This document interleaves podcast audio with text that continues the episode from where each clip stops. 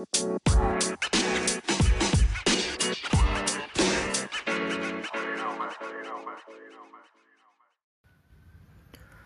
sob, apa kabar? Bagaimana kabar dunia? Hmm? Masih berputar kan ya?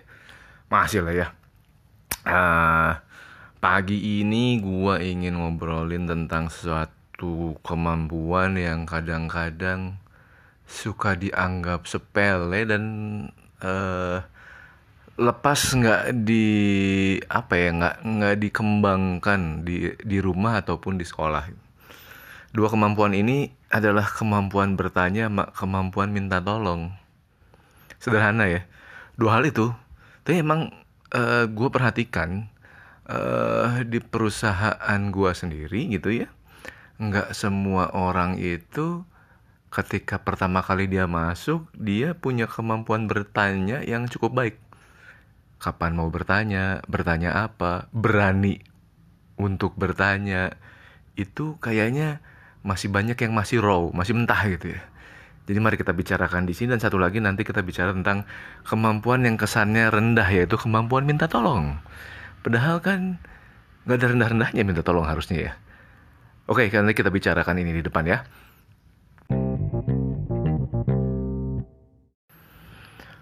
Tentang minta tolong nih. Jadi gua sendiri dulu waktu masih awal-awal bisnis lah, baru mulai berapa tahun ya, satu tahun, dua tahun bisnis kali gitu ya. Pernah punya kejadian yang sangat uh, apa ya, membukakan mata gua tentang kemampuan bertanya ini.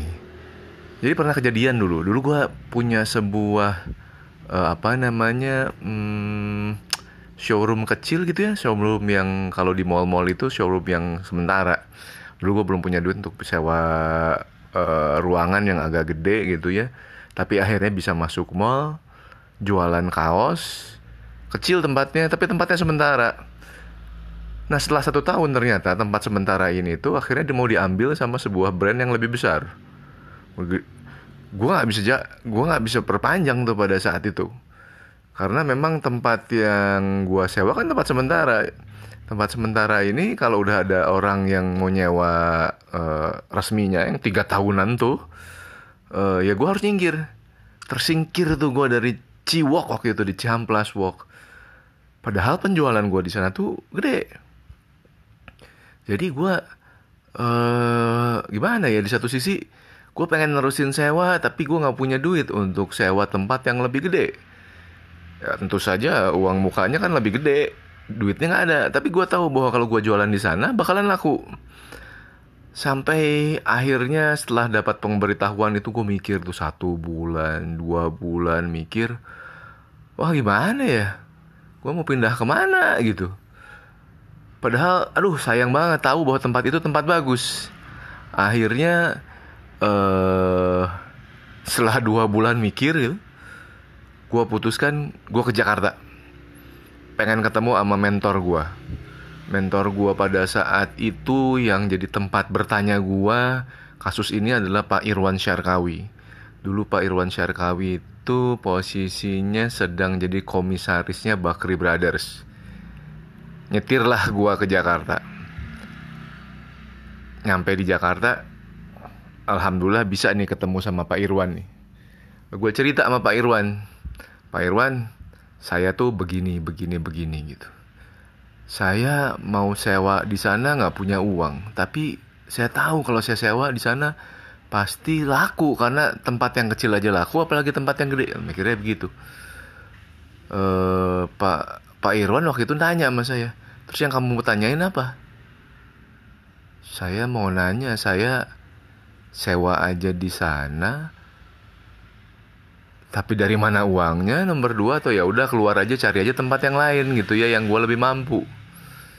Jawabannya Pak Irwan pada saat itu mantep juga sih. Jawabannya gini nih. Oke Ben. Jadi kamu udah jualan di sana satu tahun. Bagus penjualannya. Bagus Pak. Kalau bagus berarti kamu harus tetap di sana. Saya bilang nggak bisa Pak. Udah disewa sama orang lain. Saya kan sewanya sementara nggak peduli dia bilang kalau tempat bagus prinsipnya apa pun yang bagus peluang yang baik kamu harus bisa dapatkan bagaimanapun caranya kamu kan masalahnya nggak mau nggak bisa sewa di sana karena kamu nggak punya uang kan? Iya pak. Kalau punya uang, penjualannya kan akan lebih bagus kan? Iya pak. Ya udah cari uangnya sana.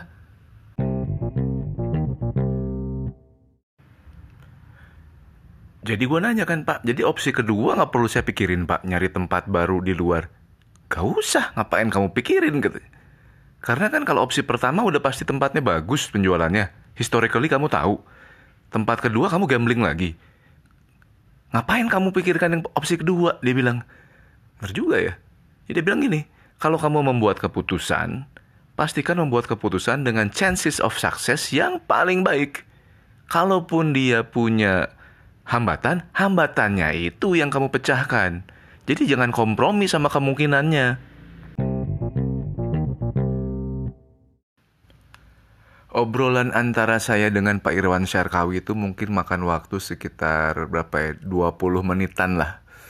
Udah termasuk basa-basinya tuh. Eh, bayangkan nih. Untuk pertanyaan ini, untuk solusi masalah ini, saya udah mikir dua bulan. Sampai akhirnya saya nyetir ke Jakarta ngobrol sama Pak Irwan 20 menit. Keluar jawabannya. Kenapa bisa secepat itu? Karena dia orang yang tahu. Orang yang udah pengalaman. Kebayang dong, dua bulan sama 20 menit, bedanya jauh banget kan? Kenapa nggak dari awal aja gue nanya sama dia? Gitu yang gak ada di hati gue pada saat itu. Nah kalau tentang hal ini Pak Irwan kemudian ngulas nih nasihatin gua nih. Jadi dia ngobrol sama gua. Dia bilang Ben untung kamu nanya sama saya Jadi nggak terlalu lama kamu buat jawabannya. Soalnya gini saya lihat gitu Kamu anak sekolahan sih Ben dia bilang.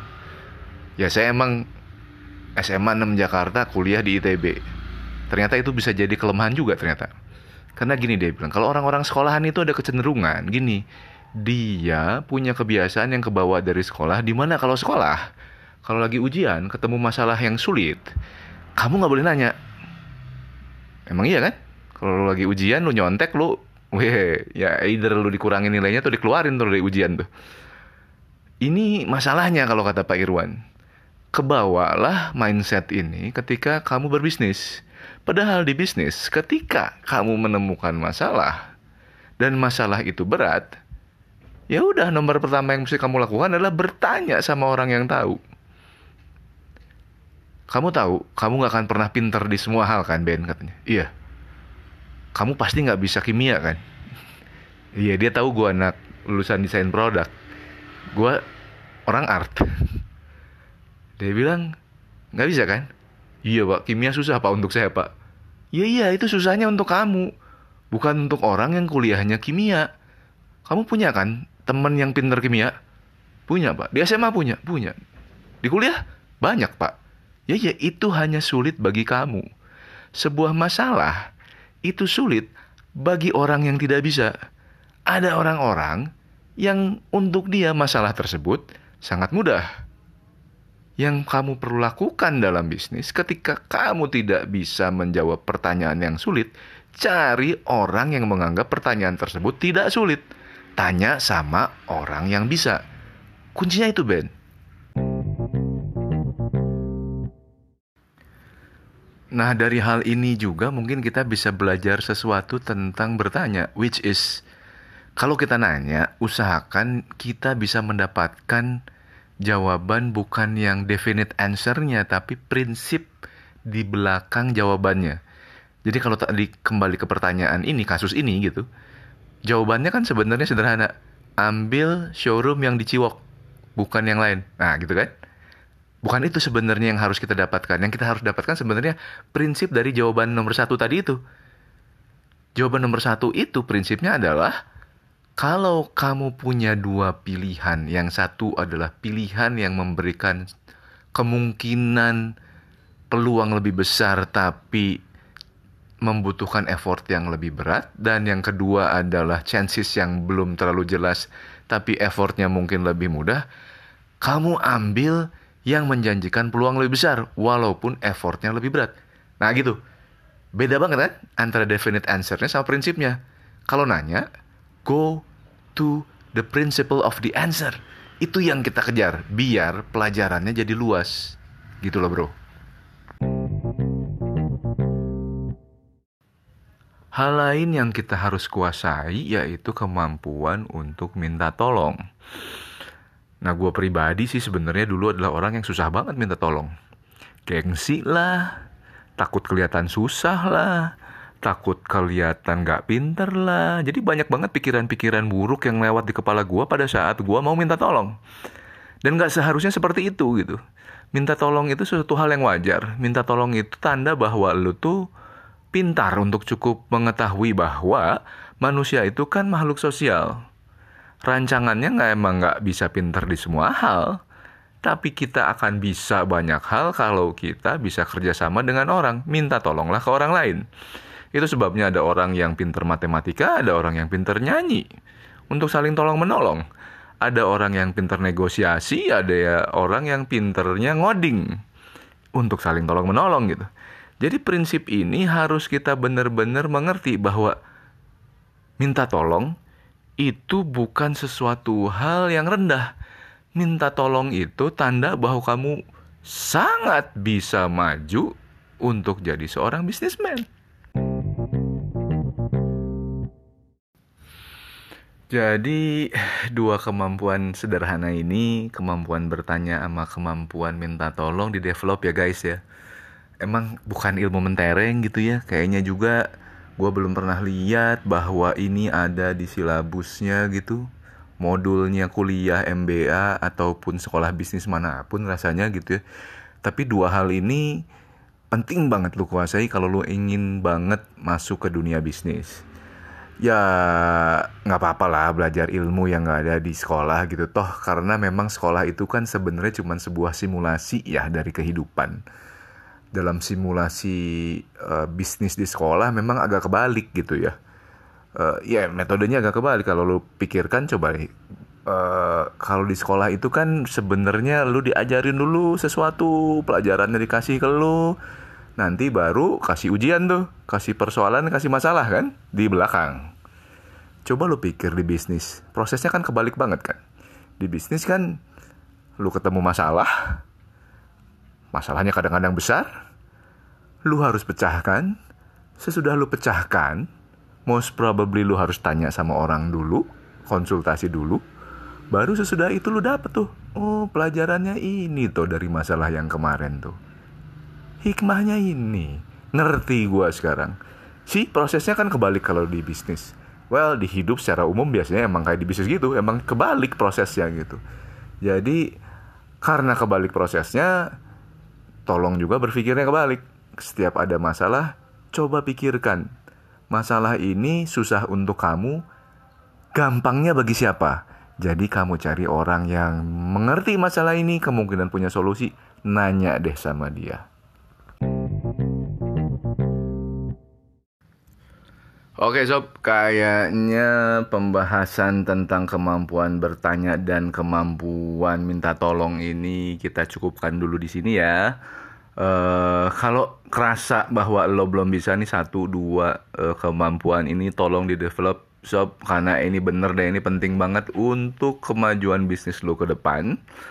Uh, dan ngomongin tentang bertanya, uh, boleh juga sih kalau misalnya ada teman-teman nih sobat-sobat yang punya pertanyaan mau nanya ke gue, siapa tahu gue bisa jawab di DM aja ke IG gue ya @ombenben at O M B E N B E N kalau gua bisa jawab ya nanti gua jawab lewat podcast ini ya.